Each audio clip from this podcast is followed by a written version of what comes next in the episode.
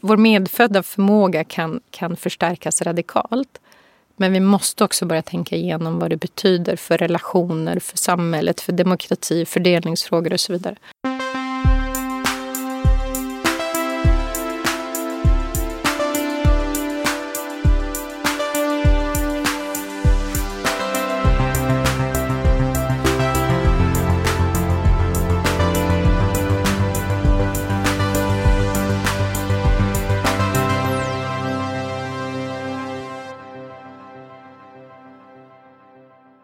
Bra, men vi, vi drämmer igång på en gång här. Och det verkar bra. Se vad som händer. Vi har ju nästa gäst som väntar i, i faggorna. Eh, där är Framtiden med Christian von Essen och eh, sitter här med Sara Örvall. Välkommen till podden. Tack så mycket. Vi eh, spelar in på Helio GT30, ska tillägga. Fantastiskt ställe. Eh, Sara är aktuell med boken som heter Ditt framtida jag. Som finns ute nu på Volante som beskriver ja, mänsklighetens framtid egentligen kan man säga. Om man ska vara ambitiös.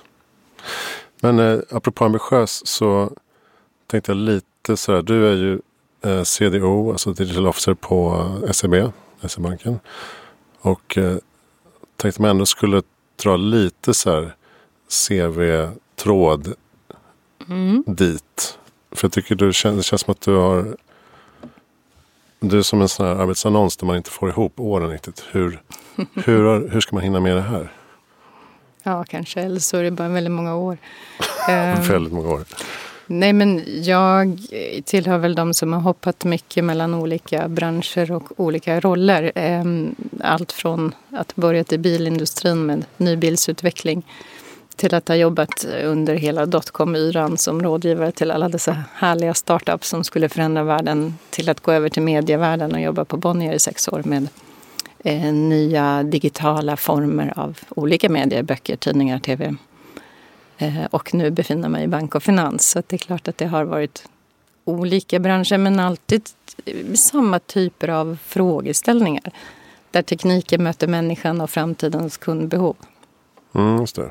Och du, du har jobbat på olika platser. Det är kanske är det som också sticker ut. Att det varit, eh, När du pratar om bil, då är det Toyota i Tokyo. Du Och även på eh, Volvo. Mm. Jag... San Francisco har jobbat i och så vidare. precis, och sen jobbade jag även i Singapore faktiskt i två år för, eh, för Volvo.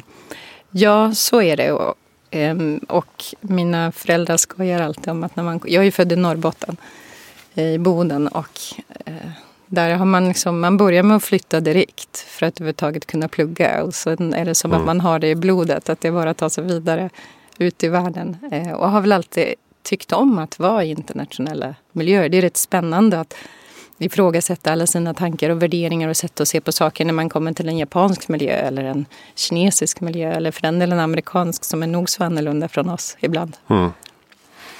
Och eh, hur ser ditt uppdrag ut på SEB nu? Jag är ansvarig för att leda transformationsarbetet inom två områden då, som vi kallar de största förändringar som bank och finans går igenom. Dels den digitala transformationen och allt vad det innebär egentligen i nästa fas. För det är klart att banker har varit digitala i många år nu, sedan mitten av 90-talet i form av att vi är världens mest sofistikerade befolkning i Sverige när det gäller banktjänster. Om du tittar på mobilanvändning, vi har inga kontanter och så vidare. Men nästa nivå är ju när vi har vår artificiell intelligens och vi kan jobba betydligt med smarta lösningar. Men jag är också ansvarig för hållbarhetsomställningen och att leda och samarbeta kring alla de frågor en bank måste gå igenom för att säkerställa att vi bidrar till ett mer, ett mer hållbart samhälle framöver. Som ju är minst lika stor förändring faktiskt. Mm. Och eh, när insåg du att du ville skriva den här boken? Länge, länge sedan. Ehm, Egentligen började tanken... Jag, jag jobbade i San Francisco 2009 till 2011. Och det var en fantastisk tid att vara där. Det är det nog fortfarande. Men för mig var det fantastiskt. För man, man hamnar ju mitt i den här möjlighetsvärlden. Och efter finanskrisen också? Ja, mm, precis. Det var ju i och för sig lite efterslängar av finanskrisen. Men, men där, där finns alltid nästa lösning, nästa teknikområde, nästa startup som bubblar. Så den, den, det är ju en kultur där man känner att det finns inga problem som inte går att lösa. Det finns ingenting som är så omöjligt att uppnå. Eh, och man blir euforisk, eller jag blev det i alla fall, av att vara där. Och sen flyttade jag hem och kände att ja men vänta nu, vad, vad innebär det här egentligen? Var, var, är vi på väg och varför? Och började egentligen i samband med det att, att intervjua väldigt många entreprenörer som flyttar gränser, forskare, eh, företagsledare också för den delen i större etablerade bolag och, och med fokuset då på teknik som flyttar närmare kroppen. Så att även om mycket av de lösningarna jag såg i San Francisco handlade ju om eh, digitala tjänster som gör vårt liv enklare, vardagen enklare. Och bara det har ju varit en revolution för många. Men det här nästa teknikskifte, att tekniken är så oerhört nära med vår fysiska kropp, vår hjärna, våra sinnen och våra känslor. Det kände jag var ett område som jag tycker i alla fall att vi inte har pratat tillräckligt om. Hur, hur vi vill använda det, vad det innebär och, och var det kan leda oss som samhälle. Mm. Och du har ju, eh, du kartlägger i boken eh, dels eh, hur funktionshinder kan liksom leda till någon slags superkrafter. Men även eh, hur vi som inte har funktionshinder kan eh, utveckla våra eh, fysiska förmågor, vår hjärna, våra sinnen. Um, och allt det här har ju bara börjat skrapas på ytan egentligen. Mm. Men du har ju testat mycket själv. Kan du säga någonting av vad du har testat? Och hur ja, det har liksom påverkat dig? Det har ju varit en del av bokskrivandet att leva i den här världen och försöka förstå vad händer om jag försöker manipulera min hjärna. Kan jag använda elektriska strömmar till att koncentrera mig bättre, meditera bättre? Eh, jag har testat väldigt mycket såklart inom medicinsk hälsa. Allt från enklare former av sömn eh, registreringar, en smart matta man sover på men också liksom mer avancerade genanalyser som ger mig indikationer om vilka sjukdomar jag ska få i framtiden. Men till mängder av olika smarta plagg som kommer som kan både hjälpa oss fysiskt att orka mer, få mig att orka gå längre, lyfta tyngre Eh, men också ge mig stöd i vardagen. Jag sitter lite dåligt i den fåtöljen faktiskt. Hade jag mm. haft ett smart underställ hade det liksom tryckt upp min rygg. Så mm, jag slapp att anstränga mig. Och det är ju kanske inte en världsomvälvande förbättring men det är ju många små saker som i, när det gäller teknikutveckling som kommer förändra hur vi ser på vår kropp. Att den kommer liksom förmå mer. Och jag tror ambitionen för mig med att testa allt det här var ju dels att såklart nyfiket förstå, funkar det här ens? Ge, mm. Ger det någon skillnad? Och ibland undrar man ju. Jag testade ett, ett pannband som eh, sägs då användas av bland annat Steph Curry och andra basketspelare som handlar om att man stimulerar hjärnan under 20 minuter med, med en slags elektriska impulser för att sen få en ökad plasticitet så att du kan lära dig bättre efter det. Så du har en timme efter pannbandet när du då påstås kunna lära dig mycket bättre, framförallt motoriska övningar. Men eh, jag vet inte, det känns som att det kanske blev lite bättre men man kanske måste vara på en högre elitnivå för att mm. förstå den här mikroskillnaden. Man sägs få då 20% bättre effektivitet på inlärningen efter det. Ja, okay. Svårt att mäta Ja, för mig själv. Men, men sägs då fungera och, och forskning har också visat att det fungerar för, för just extrema idrottsprestationer. Men, men jag tror, du frågade vad, hur påverkar den? Och då, jag har ju varit väldigt nyfiken och, och positivt inställd till möjligheten att mäta och lära känna mig själv bättre. Men det är klart att det finns tidpunkter när man känner att den här informationen om att jag sov dåligt i natt gör mig ju faktiskt tröttare.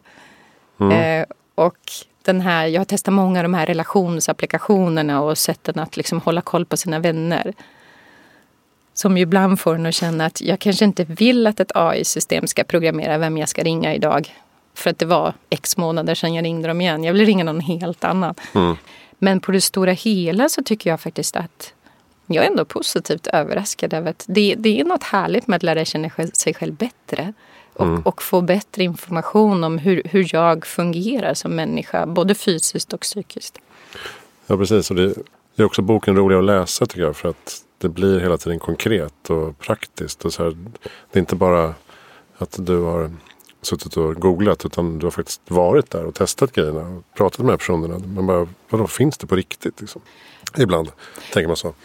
Ja, och jag, det är ju såklart, tänker jag, viktigt att man, man måste förstå inte bara vad det går att göra idag. För för det är ju viktigt att testa att det funkar. Men det som blir spännande sen och som jag hoppas att läsaren själv går igång i sina tankar det är ju att tänka okej okay, om det här funkar idag hur kan vi använda den tekniken på andra sätt och mer och vad blir mm. då konsekvenserna så att vi orkar tänka två, tre steg längre så vi inte bara blir så kära i den möjlighet man ser här och nu utan att förstå att vänta om alla om man tar de här hjärnförstärkningsmetoderna som exemplet. Det är klart att det är jättespännande för mig att kunna koncentrera mig bättre. Och likaså har den amerikanska armén bevisat att det har gjort deras soldater mer effektiva. Mm.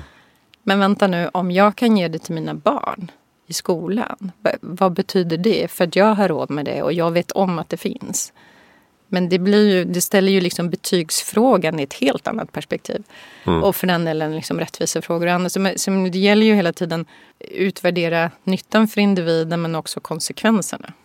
Mm, precis, du, du kom in på det på slutet av boken med etiska frågeställningar när det gäller dataintegritet, övervakningssamhälle, eh, Kinas social credit system, eh, alla de här sakerna.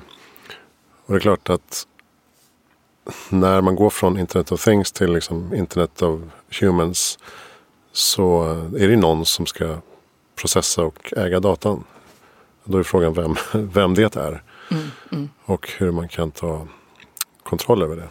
Och du efterlyser ju, eh, du i slutet har du ju några sådana här, vad säger man, brasklappar eller eh, eh, vad säger man? några, några, punkter som du vill skicka med? Ja, jag tänkte mer som, som fråga. För boken handlar ju väldigt mycket om, om dig som människa. Jag tänkte som liksom tankeexperimentet att om jag gör en slags självhjälpsbok med teknik istället för det vi brukar göra inom psykologi och annat.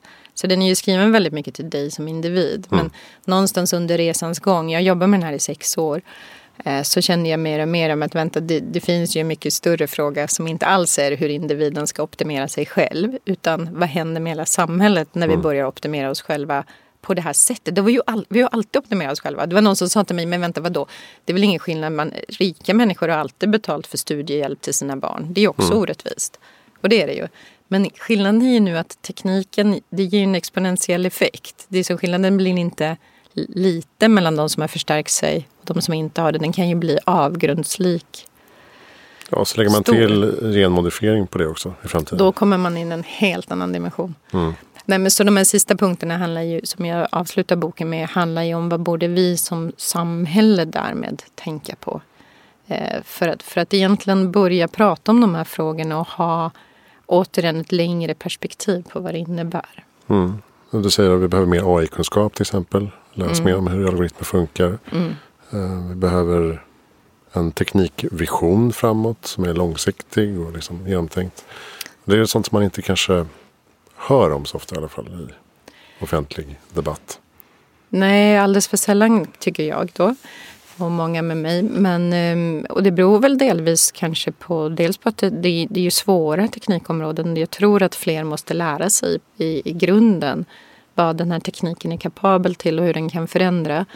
Ehm, men sen tror jag också det handlar om att eh, undvika att hamna direkt i dystopiska scenarios. För att det är klart att hotbilden är verklig. Men det är så lätt att gå det riktigt och då har vi glömt att vänta, den här tekniken kan ju få många fler att lära sig bättre. Det kan få många fler att leva friskare och längre. Det kan få många fler att lära känna sig själv och sitt känsloregister mm. på ett sätt som aldrig varit möjligt tidigare. Och det är trots allt 10 procent av svenska befolkningen som äter idag medicin för att hantera sina känslor. Ganska stor andel av befolkningen som inte riktigt orkar med. Kan vi bara hjälpa några av dem så är det ju fantastiskt. Mm. Så att jag, jag vill liksom också belysa dess möjligheter så att vi tänker igenom dem noga innan vi faller in i all oro för dataintegritet och annat som vi absolut ska ta hänsyn till. Men det blir så lätt annars att vi stänger av de här fantastiska mm. möjligheterna innan vi ens har eh, bestämt oss för hur vi vill använda tekniken. Mm, verkligen. Jag har ett avsnitt med Chris Dancy som kallar sig eh, The World's Most Connected Human.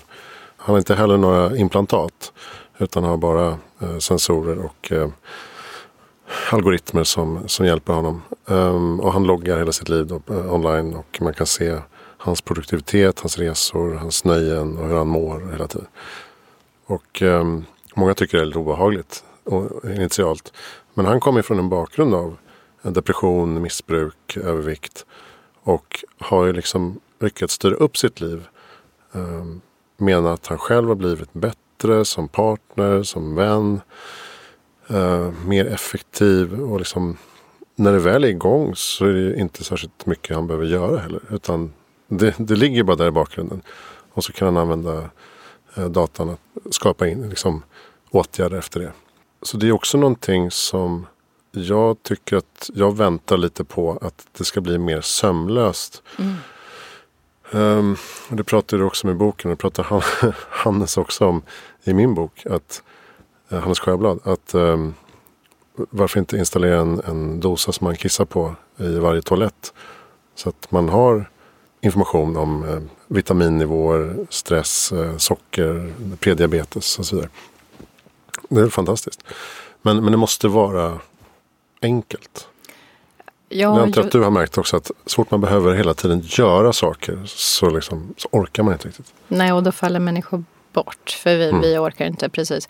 Nej, men, och det är ju det fina med den nya tekniken. Att den kommer ju dels som gränssnitt kunna vara lite mera i bakgrunden. Det är klart att en röststyrd smart högtalare är mindre eh, påträngande än en skärm som jag hela tiden plockar upp under ett samtal. Och det är klart att ju mer algoritmerna lär sig om vem jag är, mina preferenser, mina värderingar och beteenden, ju mer inte bara intelligenta råd kan de ju ge utan ju mer kan de också fatta automatiska beslut inom områden som jag inte bryr mig så mycket om. De är på repetition ändå. De kan göra dem åt mig. Beställa blommorna jag ändå beställer varje år till min mamma när hon fyller år. Det kanske uppfattas som lite omänskligt men jag kommer ju ändå göra det. Så då det kanske det kan lika gärna ske. Och, betydligt trevligare att du gör det än att du inte gör det. Än att jag glömmer bort det, vilket ju också händer. Eh, men desto mer kan de ju också lära sig när de bör påkalla vår uppmärksamhet. När är vi mottagliga? För att nu så sker ju all kommunikation med oss digitalt det är ju aldrig på våra villkor. Den bara dånar ju in i vår tillvaro och stör oss ofta i någonting vi håller på med. Så att jag ser väldigt mycket fram emot en teknik som är lite mera inkännande i när är jag mottaglig för någon typ av budskap. Så någonstans är vi ju på väg dit, att det blir mer sömlöst. Men då å andra sidan måste vi också vara mycket mer noggranna med hur vi ställer in den. Det mm. finns ju liksom en, en fas där vi måste vara tydliga med vad vi vill ha ut av tekniken. Om jag är miljöengagerad så måste jag ju se till att min smarta rådgivare tar hänsyn till det i de beslut de fattar. Till exempel, för att ta ett enkelt exempel. Ja precis, då kommer den bara boka elbilar eller mm. skotrar och så vidare. Mm. Men du, du nämner också det här att när du kliver in i kontorsbyggnaden för att ha möte så kan, kan sensorerna upptäcka att du är stressad, kanske upprörd, svettig och så vidare. Och kan då bara, vet du vad, ta, ta ett glas vatten och chilla lite. Vi, vi börjar fem minuter senare. Och boka om mötet ja. ja. Ja, och där kommer man ju liksom in i de här frågorna. Vill jag det då? Exakt, det är det man mm. känner också när jag läser. att mm. Vissa grejer är så här, men fan vad smart. Och vissa grejer är så här, men gud vad irriterande. När, när någon, om någon säger så här, nu är du lite arg. Ta några andetag. Man bara, håll käften! ja, det, dels det kan det vara nog så irriterande och såklart lite obehagligt. För det finns ju många delar av dina känslor som du inte vill att någon annan ska se. Idag har vi ju sensorer som ganska lätt kan upptäcka hur jag känner för dig. Mm. De kan ju lätt upptäcka att jag är lite mer nervös än vad jag är i ett vanligt möte. För mm. jag är ovan vid att sitta med en mikrofon framför mig. De kan känna av hur, hur jag reagerar på dig. Mm. Har, har, jag några känslor för dig? Um, det är inte säkert att vi alltid vill att det ska speglas på, rätt på ut. skärmen här bredvid. Det kan ju bli både, både trevligt och jobbigt. Um, vad som ska kunna komma ut av, av vårt känsloregister är ju såklart en jättefråga. Men för mig själv, att har jag till exempel, det finns ju en klocka nu som är framtagen som just mäter det som heter elektriskt motstånd i huden helt enkelt. Så den kan mäta både puls och, och olika indikationer på mitt känslotillstånd. Och sen så finns det kameror som mäter hemoglobinkoncentrationen. Eh, så bara några korta sekunder av ett videoklipp kan avslöja hur jag känner i olika sammanhang. Kan jag koppla det till mina kontakter, till min kalenderbokning, då får jag helt plötsligt en datafil på hur jag mår, med vem, vilka får mig att må bra, vilka får mig att känna avslappnad, vilka blir jag uppjagad av? Och i vilka sammanhang, i vilka fysiska lokaler. Så fort jag är utomhus mår jag bättre än om jag mår inomhus. Jag kan ju mm. lära mig väldigt mycket. Däremot kanske jag inte vill att, att, att någon annan har tillgång till den datan. Ja, det. är en det. helt annan fråga. Men var det, var det en sån app du hade som går igenom eh, sociala kontakter? Ja, dels finns det en som heter Emotiv då, som mäter just eh, sensorer på hur jag mår kopplat till kontakter. Men sen, sen har jag en annan app då som heter Crystal Nose som är eh, den, den spårar egentligen min kommunikation med andra individer. Så att om jag har ett möte så kan jag då skriva in den personens profil och så får jag tillbaka både hur du då är som person, mm. Värderingar, preferenser, beteende men också lite tips på hur jag bör prata med dig för att du ska känna dig eh, komfortabel och mm. att jag får fram mitt budskap. Så den, den, den kan ge mig tips i stil med använd ett informellt språk eller var noga med att bara föra fram argument som du kan backa med tung analys eller den typen av, av råd. Eh, och det baserar den, appen går ju då igenom din sociala profil, allt mm. du har skrivit i sociala medier, alla artiklar som är skrivna om dig, men också vår tidigare korrespondens. Du och jag utväxlade ju tre, fyra mejl innan den här mm. intervjun. Det, det går den ju också igenom. Okay. Har du en sån analys på mig då? Jag, jag har inte vågat göra det. Du har inte gjort det? Nej, jag känner att någonstans så bör man ju be om tillstånd. Jaha. Jag kan ju faktiskt göra det idag utan att fråga dig men det är mm. ju inte riktigt etiskt korrekt jag tycker.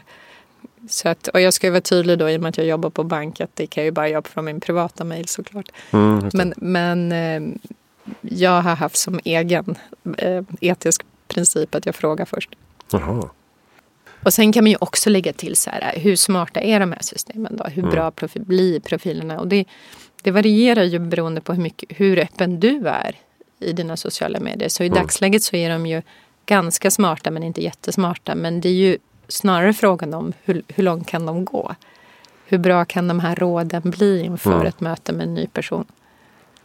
Precis. Min filosofi är väl lite att ha kontroll över min digitala, eh, mitt digitala liv. Alltså att vara ganska transparent men, ja, men till exempel i Google så vill jag inte att någon annans bild på mig eller, eller artikel om mig ska hamna först. Utan jag vill ju att jag har koll, kontroll över sökresultaten. Mm. Så att jag, nej men jag bara säga att jag göder gärna eh, algoritmerna med mina preferenser. För att få bättre förslag så här, i framtiden. Just det. Och då, precis, då ger ju det dig en, en personlig omedelbar nytta. Och det ser man ju generellt att människor är faktiskt ganska villiga att dela med sig av information bara man känner att det blir bättre för mig. Jag kan mm. ge min hälsodata om jag vet att jag får bättre preventiv rådgivning. Ja. Eh, och ganska många, speciellt eh, i Sverige har vi ju hög tillit till myndigheter, institutioner och andra. Så där så länge man vårdar den tilliten och ser till att data inte missbrukas så, så, så finns det en acceptans för rätt mycket när det gäller tjänster. hälsodata bara ska ut. Kör på. Alltså inte, inte att det ska gå till, till försäkringsbolagen förstås. Men att det ska finnas sätt att samla, samla ihop den, klustra, analysera, liksom, leka med den bakom kulisserna. Utan att det behöver vara personligt identifierat förstås. Nej, för det är, det är precis de här men. Man måste sätta de mm. gränserna. För det, det, är klart att ju mer... Det pågår ju försök i England bland annat där man uppmuntrar individer till att lämna in sin gendata. Man har satt olika volymmål per år i form av många gensekvenseringar man ska göra på individer. För att just få de här databaserna på ärftliga sjukdomar förstå bättre vad, som, eh, vad man kan göra preventivt. Det är ju fantastiskt men då måste man ju också ha väldigt tydliga etiska riktlinjer. Mm. För det är klart att jag gjorde ju själv en sån genanalys och om försäkringsbolagen sen ska sätta eh, min liksom, livsförsäkring, livförsäkring baserat på det eller sätta någonting annat så då blir det en helt annan fråga. Ja, ja verkligen. Men du, det upplevde jag som att du tyckte var ganska jobbigt att få den där, eh, det svaret från 23andMe. Ja. ja, det var det faktiskt. Jag gjorde den här gensekvenseringen, första delen var väldigt glatt och enkelt. Jag tänkte att det här är spännande. Mm, men sen beskriver jag i boken hur jag faktiskt inte vågar öppna filen. Eh, och det är väl någonstans för att det blir oåterkalleligt. Man måste ju, och det gäller väl ganska mycket av, av de här testerna jag gått igenom. Att man får ju vara beredd på att jag kan upptäcka saker nu om mig själv som jag faktiskt inte visste och kanske hade mått bättre av att inte veta. Mm. Det vet man ju inte för man ser sanningen i vitögat. Så att, eh, att få procentuell risk på att få eh, livshotande sjukdomar. Eh, jag beskriver då att jag får veta att jag har eh, hög sannolikhet att få Alzheimers. Eh, Sen kommer ju de med massor med disclaimers att ja, det är inte säkert ändå. Det, det beror på massa mm. olika faktorer, inte minst med livsstil. Men ändå, du ska ändå titta på den där siffran och leva med den sen. Så det får man ju vara beredd på. att Ger jag mig in i den här världen som är datadriven och där fakta kommer fram, då kommer jag ju också behöva förhålla mig till det på ett, på ett sätt som gör att det inte stör mitt, mitt liv. Och där tror jag nog att vi är så tidigt ute. Jag ser framför mig att tjänster som kommer i framtiden, där kommer du inte få, nu får man ju 99 sjukdomar svart på, på vitt. Det är ju egentligen ganska onödig information. Det skapar ju mm. mer oro. Det hade varit bättre om de hade singlat ut de här tre sjukdomarna. Har du högre sannolikhet än snittet och det här är vad du kan göra preventivt. Det finns tydliga. De andra som jag ändå inte kan göra någonting åt. De kanske jag inte bör veta. Nej. Um, så jag tror vi är ju bara i början på vad det här, både kunskapen om vad den här DNA-sekvenseringen, alltså vad är det egentligen som man kan ge för råd? Nu får man ju lite konstiga råd hur man ska träna, hur man ska äta. Och där debatterar ju forskarna om, om det är idag relevant. Alla är överens om att det kommer att bli relevant, men förmodligen behöver man mer data för att veta, är jag bättre på att lyfta tunga vikter med få repetitioner eller ska jag snarare ägna mig åt någon mm. annan form av träning? Ja, precis. Och så är det, det är någon algoritm i USA som har skrivit ut det här åt dig. Så det är inte, det är inte så att någon har träffat dig eller sett dig. Eller, Nej, absolut inte. Det är bara baserat på DNA. Det är bara, analys. precis så. Ehm, precis, så allting är automatgenererat. Ehm, men det råder väl inga tvivel om att, att eh, den här typen av analyser kommer att ge oss många viktiga svar framåt. Verkligen. Nej, men det, där, det där är väl en fråga som hela tiden återkommer. Vill man verkligen veta? Och eh, om man hör på till exempel eh, Peter Diamandis, som här Silicon Valley-gubbarna. De, det, det, är ganska roligt att hela det gänget av supermiljardärer eh, och tech-evangelister. De, håller ju snart, de går ju snart in i någon slags pensionsålder. Så de har ju bråttom att liksom lösa de här grejerna. Nej men eh, hans svar är väl bara att du kommer vilja veta om, du kan, om det kan ge dig liksom 15 år extra liv. Mm. Du vill veta om du, om du är benägen att få tarmcancer. Mm. Så kan du vidta åtgärder. Sen kanske inte man vill veta när man är 30. Nej, det, och det är väl det jag menar med att algoritmerna kanske också kan bli lite smartare på när behöver informationen och ja. vad kan du göra av den. Som Men... en födelsedagspresent får man, nu har du fyllt år. Nu tänkte vi ge dig den här nyheten. Ja, det, det, det finns en hel del moraliska frågor i det som kanske mm. är svåra. Men, men jag tror, eh, likt det han säger, det är klart att när vi kan... Alltså, om du säger så här, vill jag verkligen veta? Ja, men vill jag verkligen förbli liksom, i, i, i ett dunkel i de här frågorna? Vill jag låta bli att veta om det verkligen kan vara något jag kan påverka? Och jag kan tycka att Silicon Valley eliten då som du beskriver, de är ju ganska besatta av både av att förlänga livet, till och med göra sig själva odödliga med olika mm. typer av hypotetiska metoder. Men det handlar ju inte bara om åren, utan det handlar ju kanske än mer om hur kan vi leva friskare de år vi mm. har. Mm.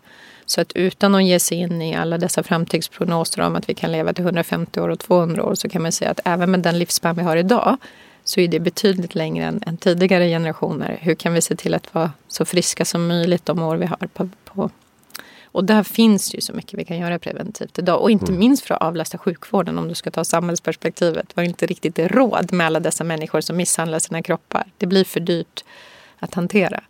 Ja, som åker till akuten och sätter sig för att någonting inte ja. står rätt till. Ja, eller som, har, som får följdsjukdomar på grund av att man inte har tagit hand om sin hälsa. Och mm. ju fler man kan hjälpa att att ta hand om sig. Det är klart att det är nytta. Och det, det, är ju det sorgliga. Nu när vi vet mer så vi blir ju faktiskt både fetare, vi sover mindre trots att vi vet hur mycket vi borde sova. Trots att vi mäter mer och mer hur mycket vi sover. Mm.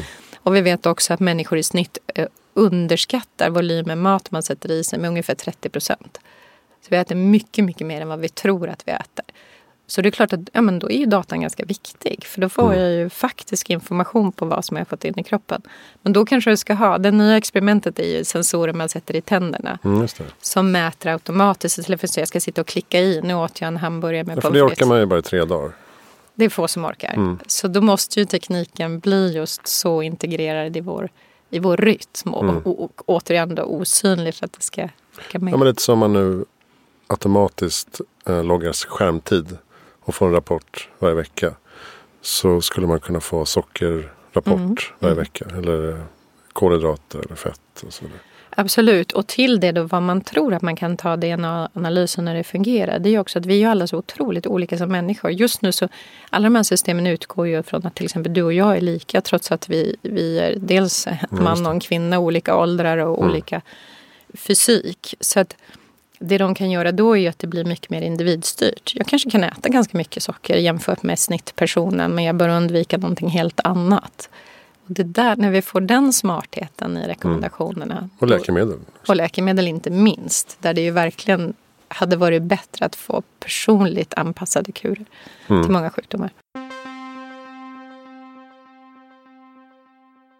Mycket av det du, du är inne på är ju liksom, det är transhumanism och biohacking eh, i någon slags symbios. Hur förhåller du dig till de rörelserna? Jag har ju studerat dem ingående för det är klart att det är spännande med rörelser som går i bräschen som vågar skaffa sig implantat som andra inte vågar. De testar ju teknik väldigt tidigt. Eh, och på så sätt är det ju fascinerande för en nyfiken person som jag själv. Jag kan tycka att en falang i alla fall av de rörelserna är väldigt fokuserade på individens prestation. Och det är naturligt för att eh, så någonstans här, vi har alltid strävat efter att bedriva någon slags individuell utveckling. Och nu får man en helt ny verktygslåda till sitt förfogande. Jag kan sätta på mig linser som gör att jag ser dubbelt så bra som alla andra. Jag hör på andra sidan rummet vad de säger med mina smarta hörsnäckor.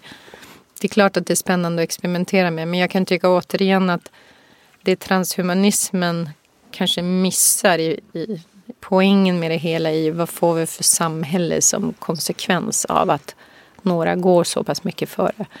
Och det var väl därför jag också ville skriva boken, för jag ville visa på vilka enorma skillnader vi kan få i vår, vår medfödda förmåga kan, kan förstärkas radikalt. Men vi måste också börja tänka igenom vad det betyder för relationer, för samhället, för demokrati, fördelningsfrågor och så vidare. Och det tycker inte jag att den rörelsen riktigt tar sig an så seriöst som den borde. Jag uppfattar det som att man snarare ser fram emot en mer brokig eh, skara av olika typer av livsformer mm. på planeten. Och andra planeter förstås. Jo, det, det, är klart att det, det, är spännande att tänka de tankarna. Och jag intervjuar ju en forskare i min bok som, som heter Nadja Talman som eh, jobbar med social robotik i Singapore eh, och har tagit fram en social, klon, en, en, social robot som är en klon av henne själv. Och hon sa att framtidens mångfald kommer ju vara när vi sitter i ett mötesrum och jag är människa, du är cyborg och den tredje mm. är ett AI-system och så vidare. Och det är klart att, att det är möjligt men samtidigt återigen kan jag tycka att vi måste ju ändå om vi inte utgår från våra mänskliga värderingar och vad vi vill göra med den här tekniken då missar vi möjligheten att bygga, mm. bygga ganska fantastiska system eh, där vi inkluderar mer ehm, och där vi tänker noga igenom vad blir konsekvenserna för de som inte förstärker sig själva. För, att, för att har vi ett samhälle där, där vissa väljer att säga nej till tekniken, vilket ju bör vara rimligt att man kan, så kan vi ju inte ha så att, att då kan man inte få ett jobb på en viss fabrik. Eller då kan du inte... Nej, och det, är ju tyvärr inte en orimlig framtid. Inte imorgon, men det är inte så många år bort där du kan tänka dig att varje fysiskt arbete kräver en, en, en robotförstärkt drikt. För vi vet att vi presterar bättre då som människor. Mm. Hur har din syn på ordet naturligt förändrats under den här resans gång? Um, ja, det är en bra fråga. Alltså, jag, jag, tror ju att det är just en av nyckelfrågorna. Jag vet inte om synen har förändrats. Jag har funderat mycket på det ordet och tänkt mig att det är väl exakt det som kommer förflyttas. Mm. Vad är naturligt? Och att det, det är ju, jag tycker just lanseringen av Google Glass är så otroligt spännande i form av att då, där tog man bevisligen ett för stort kliv bort från det naturliga. Man vill att människor ska ta på sig glasögon där jag då filmar och har en kamera som är smart. Men där tyckte vi andra att det blev, man, man klev för, för många sociala tabun. Mm. Så att den jag möter med Google Glass är inte längre naturlig. Jag oroar mig för min integritet och jag tycker inte det känns behagligt. Så att, eh, jag tror ju inte att vi får sådana radikala förändringar över natten. Där tror jag att vi som människor kommer att rygga tillbaka. Men däremot små, små, små förstärkningar. Framförallt det som inte syns. Alltså återigen, mm. om jag kan ta på mig ett smart underställ som hjälper mig under dagen som ser till att jag inte får ont i ryggen efter alla dessa långa möten.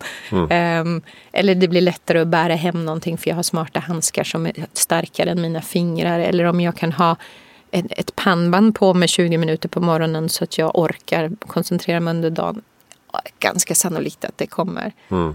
Men, men att operera in ett chip i hjärnan som ju Elon Musk presenterade här om veckan på Neuralink hans eh, investering i Neuralink, det är ju däremot ett betydligt större steg. Mm. Såklart. Så där jag har svårt att se, om vi är oroliga för självkörande bilar, för vi är oroliga för det etiska dilemmat. Att någon läser våra tankar är ju liksom långt större etiska problem kopplade till. Ja, precis. Nej, men exakt, man får väl se det som att om man idag ser eh, VR-glasögon som stora, klumpiga, lite fula. Så det är inte så svårt att tänka sig redan den utveckling som har skett nu. Att om fem eller tio år så kommer de inte vara stora, klumpiga. De kommer vara sjukt smidiga. Kanske bara glasögon, kanske linser. Mm. Det, är liksom, det är ju en naturlig utveckling. Det är ju inte Eh, magi. Utan det kommer ju. Men skulle jag komma idag med med VR-linser. Eh, och jag bara, ja men det, jag behöver ingen diktafon, jag spelar in det här. Då skulle du bara tycka att det var ganska obehagligt kanske.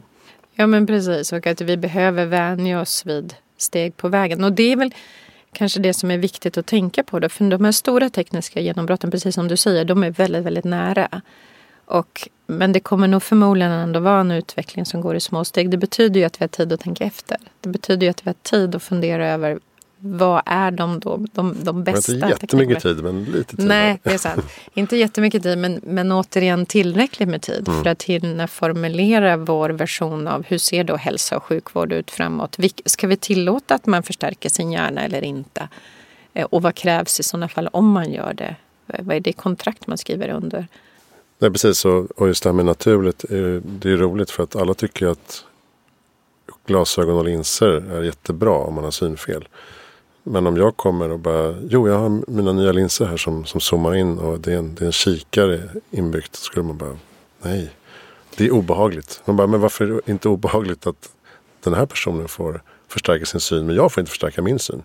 Det är, liksom, det är ganska roligt hur vi sätter de här eh, gränserna. Ja precis och vi har ju dragit skiljelinjen vid det nuvarande normala. Mm. Så så fort du vill förstärka dig mer. Det finns ju linser redan idag där du kan då förbättra ditt mörkerseende. Så du ser i mörker bättre än vad en människa kan göra med vanliga ögon.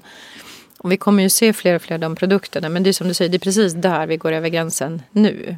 Mm. Och detsamma gäller ju egentligen proteser. För att människor som idag får proteser kan ju göra saker med dem som är bättre än en normal hand. Sen har de fortfarande andra begränsningar. Men, och det är klart, det är först när vi sätter på en tredje arm mm. som, som det blir riktigt märkligt. Mm. Men, men, men, varför inte egentligen? Liksom, nej, men var, nej och, och någonstans så är det, det är ju det som är den spännande frågan. Var kommer vi tycka att det känns naturligt. Och kanske är det så att saker och ting som vi kan lyfta av och på kroppen mm. kommer vi mycket snabbare anamma. Det, det är inte så konstigt om jag tar på mig en extra hand när jag ska bära tungt och så kopplar jag bara av den när jag går ur. Men det är klart att den dagen vi ska operera in någonting i kroppen så, så blir det ju en, en annan, eh, en annan dimension. Årets julklapp. extra arm. Fan vad bra det skulle vara. Jag kan nog tänka ibland att det vore smidigt med lite extra armar. extra ögon. Um, jo, jag tänker. Du nämner också ofta att alltså möjligheten att få hjälp att fatta bättre beslut. Så då tänker du ofta på hälsa och livsstil och sådär. Men om man jobbar på bank så måste man också tänka ekonomisk hälsa förstås. Jobbar ni med att implementera några av de här grejerna in i bankvärlden för att kunna nudga människor i rätt riktning ekonomiskt också? Mm, men jag tror ju att, att den tekniken, eh, återigen med personlig integritet i fokus, men att hjälpa personer att, att förstå sin finansiella hälsa då. Det är ju ett, ett område som, som borde växa snabbt för att eh, att, att jag kan se mycket tydligare visualiserat hur blir mitt liv? Hur mycket pengar har jag där framme vid exempelvis en pension om jag sparar nu? Det är ju så abstrakt idag. Därför tvekar ju väldigt många unga på att, att, att spara för sin pension utöver det som man får automatiskt. Um, men jag tror och det bestämdaste att kan man bli mycket, mycket mer. Du kan ju till och med tänka dig en VR-värld. Ja, du skrev det. Åh, oh, obehagligt. Nej, men någonstans tror jag att vi behöver förstå att det finns ju till exempel eh, olika tjänster som, som har lanserats eh, på andra marknader där man, där man hittar då egentligen beteenden och mönster när man vet att individen ångrar sig efteråt. Som individen kan själv ställa in en varning. Nu har du köpt för många drinkar i baren eller nu har du spelat för mycket pengar om man ska ta en ganska allvarlig mm. problematik det är nog inte så dumt att kunna få en automatisk varning. Då. Men det måste ju återigen vara individen som själv ställer in reglaget. Det kan ju inte vara så att en, en bank eller någon annan förmanande pekar finger i det läget. Nej, det. Men det kan ju vara ditt egna personliga verktyg. Kanske att nästa veckas eh, meny Först, först är den jättefin och sen så ju mer du spelar så, så, så ser du hur det blir så här gröt, grötlunch varje dag. Kan man? Du får utveckla en sån vad, vad man, vad man uh, går igång på. Liksom. Jo, men jag, jag tror någonstans att, att det som jag tror är bra med den här tekniken är just att vi, vi har ju ibland svårt att se konsekvenserna av våra beslut. Mm. Och det kan den faktiskt visualisera tydligare. Sen är det ju ändå upp till mig att fatta beslutet. Men då förstår jag bättre vad det betyder att jag, att jag gör det här i närtid. Och ofta behöver vi motivation. Det är ju samma sak med hållbarhetsfrågan. Vi vet ju att om du visualiserar för en människa att så här mycket bättre blev luften idag i staden på grund av att du tog cykeln och inte bilen. Då kommer jag känna mig mycket bättre till mod. Så jag kommer välja cykeln oftare fram, framåt. Men ganska ofta känner vi som individer någon slags maktlöshet. Att det spelar liksom mm. ingen roll. Jag gör det här lilla men det blir ingen effekt. Och där är jag helt övertygad om att den här datainsamlingen och den tekniken kan hjälpa oss att tänka efter lite mer på de större konsekvenserna. För jag får någon slags liksom så positiv feedback-loop i att ja, men det spelade roll. Det gjorde skillnad mm. för min hälsa, för min ekonomi, för, för klimatet, vad det än är. absolut. Det, det, där är ju, det där är den stora frågan. Hur påverkar människor utan att trycka ut bara information eller pekpinnar? Då kommer vi tillbaka till nudging-filosofin. Eh, mm. Och eh, just visualisering är ju en viktig del. Det ser man ju på men fastigheter som har solpaneler. så här, ja, solpaneler, kul. Men när man sätter upp en, en eh, skärm i lobbyn som säger så här mycket eh, så här mycket upp och ner har vi faktiskt finansierat av elen eh, från solpanelerna så att ni får lägre elkostnader här i fastigheten. Då blir man mycket mer peppad på det. Mm. Eller om man har motsvarande då i, i hemmet. Att man ser exakt vad man förbrukar och hur mycket bättre man var förra veckan på att släcka lampor och så vidare. Det leder ju till någon slags, alltså man måste ju spelifiera eh, på något sätt för att eh, hitta morötterna. Jo, men jag tror det. Både, liksom, både visualisera data men också återigen konsekvenser. För det kan jag tycka att, att alla vi som jobbar med ny teknik har varit ganska dåliga på. Vi är bra på att ge tillbaka data. Vi sätter ihop till snygga grafer. Så här ser det ut. Här är din överblick. Och det är bra. Det är ett bra första steg. Men det är ju än viktigare att försöka förklara vad betyder det då på sikt? Mm. Om du även visualiserar det. Så att om man tar ett konkret exempel så man, man tror ju att, att framtidens både tandborstar och handfat kan fånga karies i, i realtid. Du behöver inte gå till tandläkaren och kolla tänderna. Det är ju en ganska konstig idé. Det, borde du kunna mm. scanna varje dag. Men det är klart att om du får en perfekt analys på hur dina tänder utvecklas men du förstår liksom inte vad betyder det. Liksom, är det de här datapunkterna. Är det verkligen karies på gång eller inte? Eller tandlossning i värsta fall. Så man måste ju på något sätt också förstå eh, nästa steg och nästa steg igen för att man ska motivera sig till att, att, att eh, sköta sin hälsa. Och då kan det ju gälla allting från att min löprunda kan jag få perfekt data på men det viktiga kanske inte är det. Det viktiga är hur mycket bättre mår mitt hjärta av den här löprundan. Vi ska börja avrunda. Vad, eh, vad är ditt bästa tips för att göra världen bättre i framtiden? Jag tänker så här att eh, om, om man liksom jobbar med utveckling och tjänster så tillbaka till att jag tror att vi kan göra ganska mer eh, som, som tjänsteleverantörer i att visa på vad varje individs enskilda handling leder till.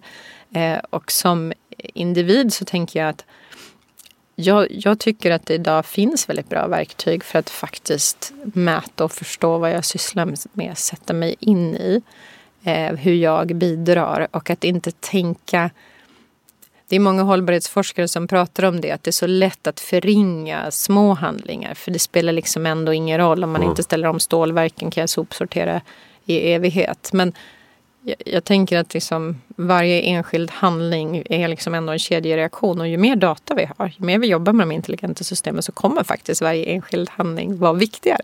Vi kommer märka mycket tydligare när, när en liten grupp av samhälle byter beteenden det kommer komma en massa varningssignaler då i företagens system och de kommer kunna agera på det tidigare. Så att perfekt data gör egentligen att, att små handlingar får större uppmärksamhet.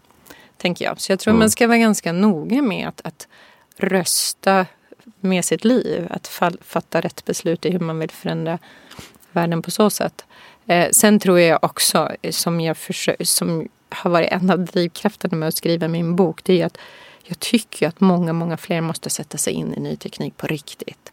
Mm. Det, är, det är verkligen vår, vår tids största förändringsmotor då kan man inte outsourca den till vare sig globala teknikplattformar eller några, den, den del av befolkningen som väljer att bli programmerare utan man måste faktiskt förstå mycket, mycket mer och alla kan det. Det, det är inte så svårt att förstå tillräckligt för att förstå konsekvenser. Och det gäller ju inte minst om man tittar på politik, om man tittar på myndighetschefer och andra som, som kan påverka i systemen. Just det. Har du några bra ehm, lästips förutom din egen bok? Ja, det var ju dumt om jag tog just den. Eh, nej, jag, i, I min bok så skriver jag också en lista på de böcker som jag själv har inspirerats mycket av. Eh, om jag kan eh, göra ett urval av det så, så finns det en, del bok, eh, en bok som heter The Genius Within. Som mm. handlar framförallt om just hur hjärnan förändras av ny teknik och hur man kan både själv jobba med sin egen hjärna och utveckla den. Eh, av en man som heter David Adam. Eh, som jag tycker själv var oerhört fascinerande. För att hjärnan är ju fortfarande lite av vår oupptäckta kroppsdel. Det finns så många eh, mysterium kvar så Verkligen. det är en väldigt spännande bok tycker jag.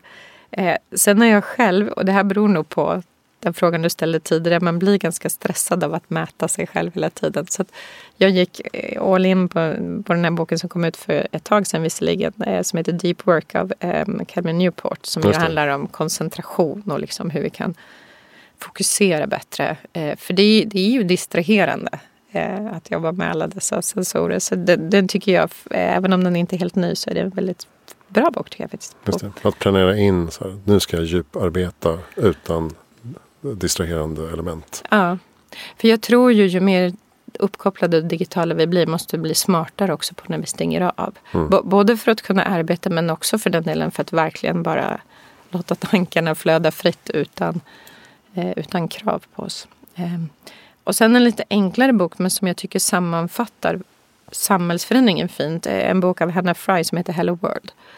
Mm. Eh, som, hon är forskare i London men eh, som, ja, men som har liksom ett, ett ganska pedagogiskt enkel förklaring i som de stora samhällsskiftena till följd av ny teknik. Coolt. Eh, jag tänkte, har, har du inte någon bra så här, app-tips eller gadget-tips som du tycker faktiskt funkar bra för ditt liv? Du har testat så himla mycket. Ja, precis. Vad ska jag välja ut då? Nej, men de, dels, alltså jag tycker ju att... Eh, jag vet inte om jag ska rekommendera som apptips, men jag tycker ju att det är spännande att prova den här Crystal Note som ju är ett sätt att, att få reda på en profil innan jag möter någon. Bara för att förstå vad tekniken är kapabel till. Jag skulle nog kanske inte rekommendera den för att använda den. För ett, den är inte tillräckligt bra. Den är två, etiskt problematisk. Men det ger en bra bild av vad, vad det kan komma att bli. Um, i övrigt så, så tänker jag, jag, jag har nog eh, tyckt att de här, det låter så fånigt, men de här olika relationsapplikationerna, det är lite fascinerande att följa sina... Man mäter ju väldigt sällan just vänner och relationer. Det finns en app som mm. heter May, en som heter Between, som är ett sätt att liksom försöka förstå, vänta, vem spenderar jag egentligen min tid på? Mm. Är det liksom rätt prioritering. Det verkar vara några människor jag bryr mig om jättemycket här borta i mitt sociala nätverk som jag har ganska få interaktioner med. hur kommer det sig? Och liksom, det, är, det är lite sunt att ibland tror jag stanna upp och reflektera över sitt sociala liv. I, att, men det kanske finns släktingar som jag helt plötsligt får data på att jag trodde att vi hade pratats vid fyra, mm. fem gånger det här året men det var faktiskt ett år sedan. Eh, det. det låter läskigt men jag tycker nog att det har gett mig en del insikter i vilka jag borde, borde höra av mig oftare till och, och lägga mer kvalitetstid på. Mm. Och vad heter den sa du? Det finns en app som heter Between, men den, den använder man mer om man, man känner varandra. Men sen finns det en app som heter Mig, som är eh, där du får just de här datapunkterna. På, det mäter ju helt enkelt inkommande, utkommande sms och telefonsamtal och så mm -hmm. kopplar det med, mot ditt nätverk. Just det. Ja, bra. Vem tycker att jag ska intervjua? Den mest fascinerande personen som jag träffade under mina intervjuer var ju den här professorn Nadia Talman i Singapore. Eh, hon är holländare från början, ehm, har trippelexamen från mängder av områden. Men jag blev väldigt fascinerad av henne för hon var en av dem som jag mötte som hade tänkt till längst på människa-maskin-gränssnittet. Hur vi ska interagera med de här robotarna för att känna oss komfortabla. Mm. Det fanns väldigt mycket i hennes tankar kring, hon hade tittat väldigt mycket bland annat på äldre människor och deras interaktioner med eh, sociala robotar som okay. jag tyckte var... Så om, om, jag, om du har möjligheten att få kontakt mm. med henne så skulle jag rekommendera det. Har dina algoritmer snappat upp att jag pluggat på Nanyang Technological University? Nej, du har missat. Men då så, då har du ju alla ingångar. Ja, alla ingångar. Jag var där, eh, pluggade ett år där i Singapore. Ah. År 2000, 2001 typ. Där. Ja, spännande, för det är ju ett av de universitet som där, där det händer väldigt mycket spännande i forskningen tycker mm. jag. Jag gick och för sig på Nanyang Business School. Men, ja, jag förstår. Eh, men det, vad kan man säga, det är som motsvarande KTH mm. i Singapore. Mm. Men, men med forskningsområden som ligger i framkant Framförallt inom robotik och AI. Mm. Ja, men det är kul mm. att se att mm. det, de står sig ganska starka. Alltså det, allt oftare tycker jag eh, NTU kommer upp i intressanta, eller, mm. eller som mm. intressanta diskussioner. Sen ska man ju komma ihåg att Asien och Singapore definitivt men även Kina har ju vågat gå längre också i sina experiment. Så det, det mm. blir ju såklart så att de kan ge sig på frågor som för oss är mer etiskt problematiska. Ja, precis. Ja, det, det är inte lika viktigt. inte alltid. Eh, tack snälla Sara Örvall för att du kom hit till Framtiden. Tack snälla för att jag fick komma. Eh, och eh, boken finns ute nu på Volante förlag och heter Ditt framtida jag. Hur eh, tar man kontakt med dig? LinkedIn? LinkedIn går alldeles utmärkt. Ja. Och så får vi se vad som händer på SEB framöver. Med den digitala Absolut. transformationen. Det kommer hända mycket. Ja. Bra. Ehm, jag heter Christian von Essen. Där är Framtiden. Kolla in hejaframtiden.se för allt du behöver veta. Och eh, glöm inte att kolla in boken som heter Vad händer nu med framtiden? Som också tangerar en hel del av det vi har pratat om här idag. Faktiskt. Och eh, tack till Helio GT30 för att du var här. Hej!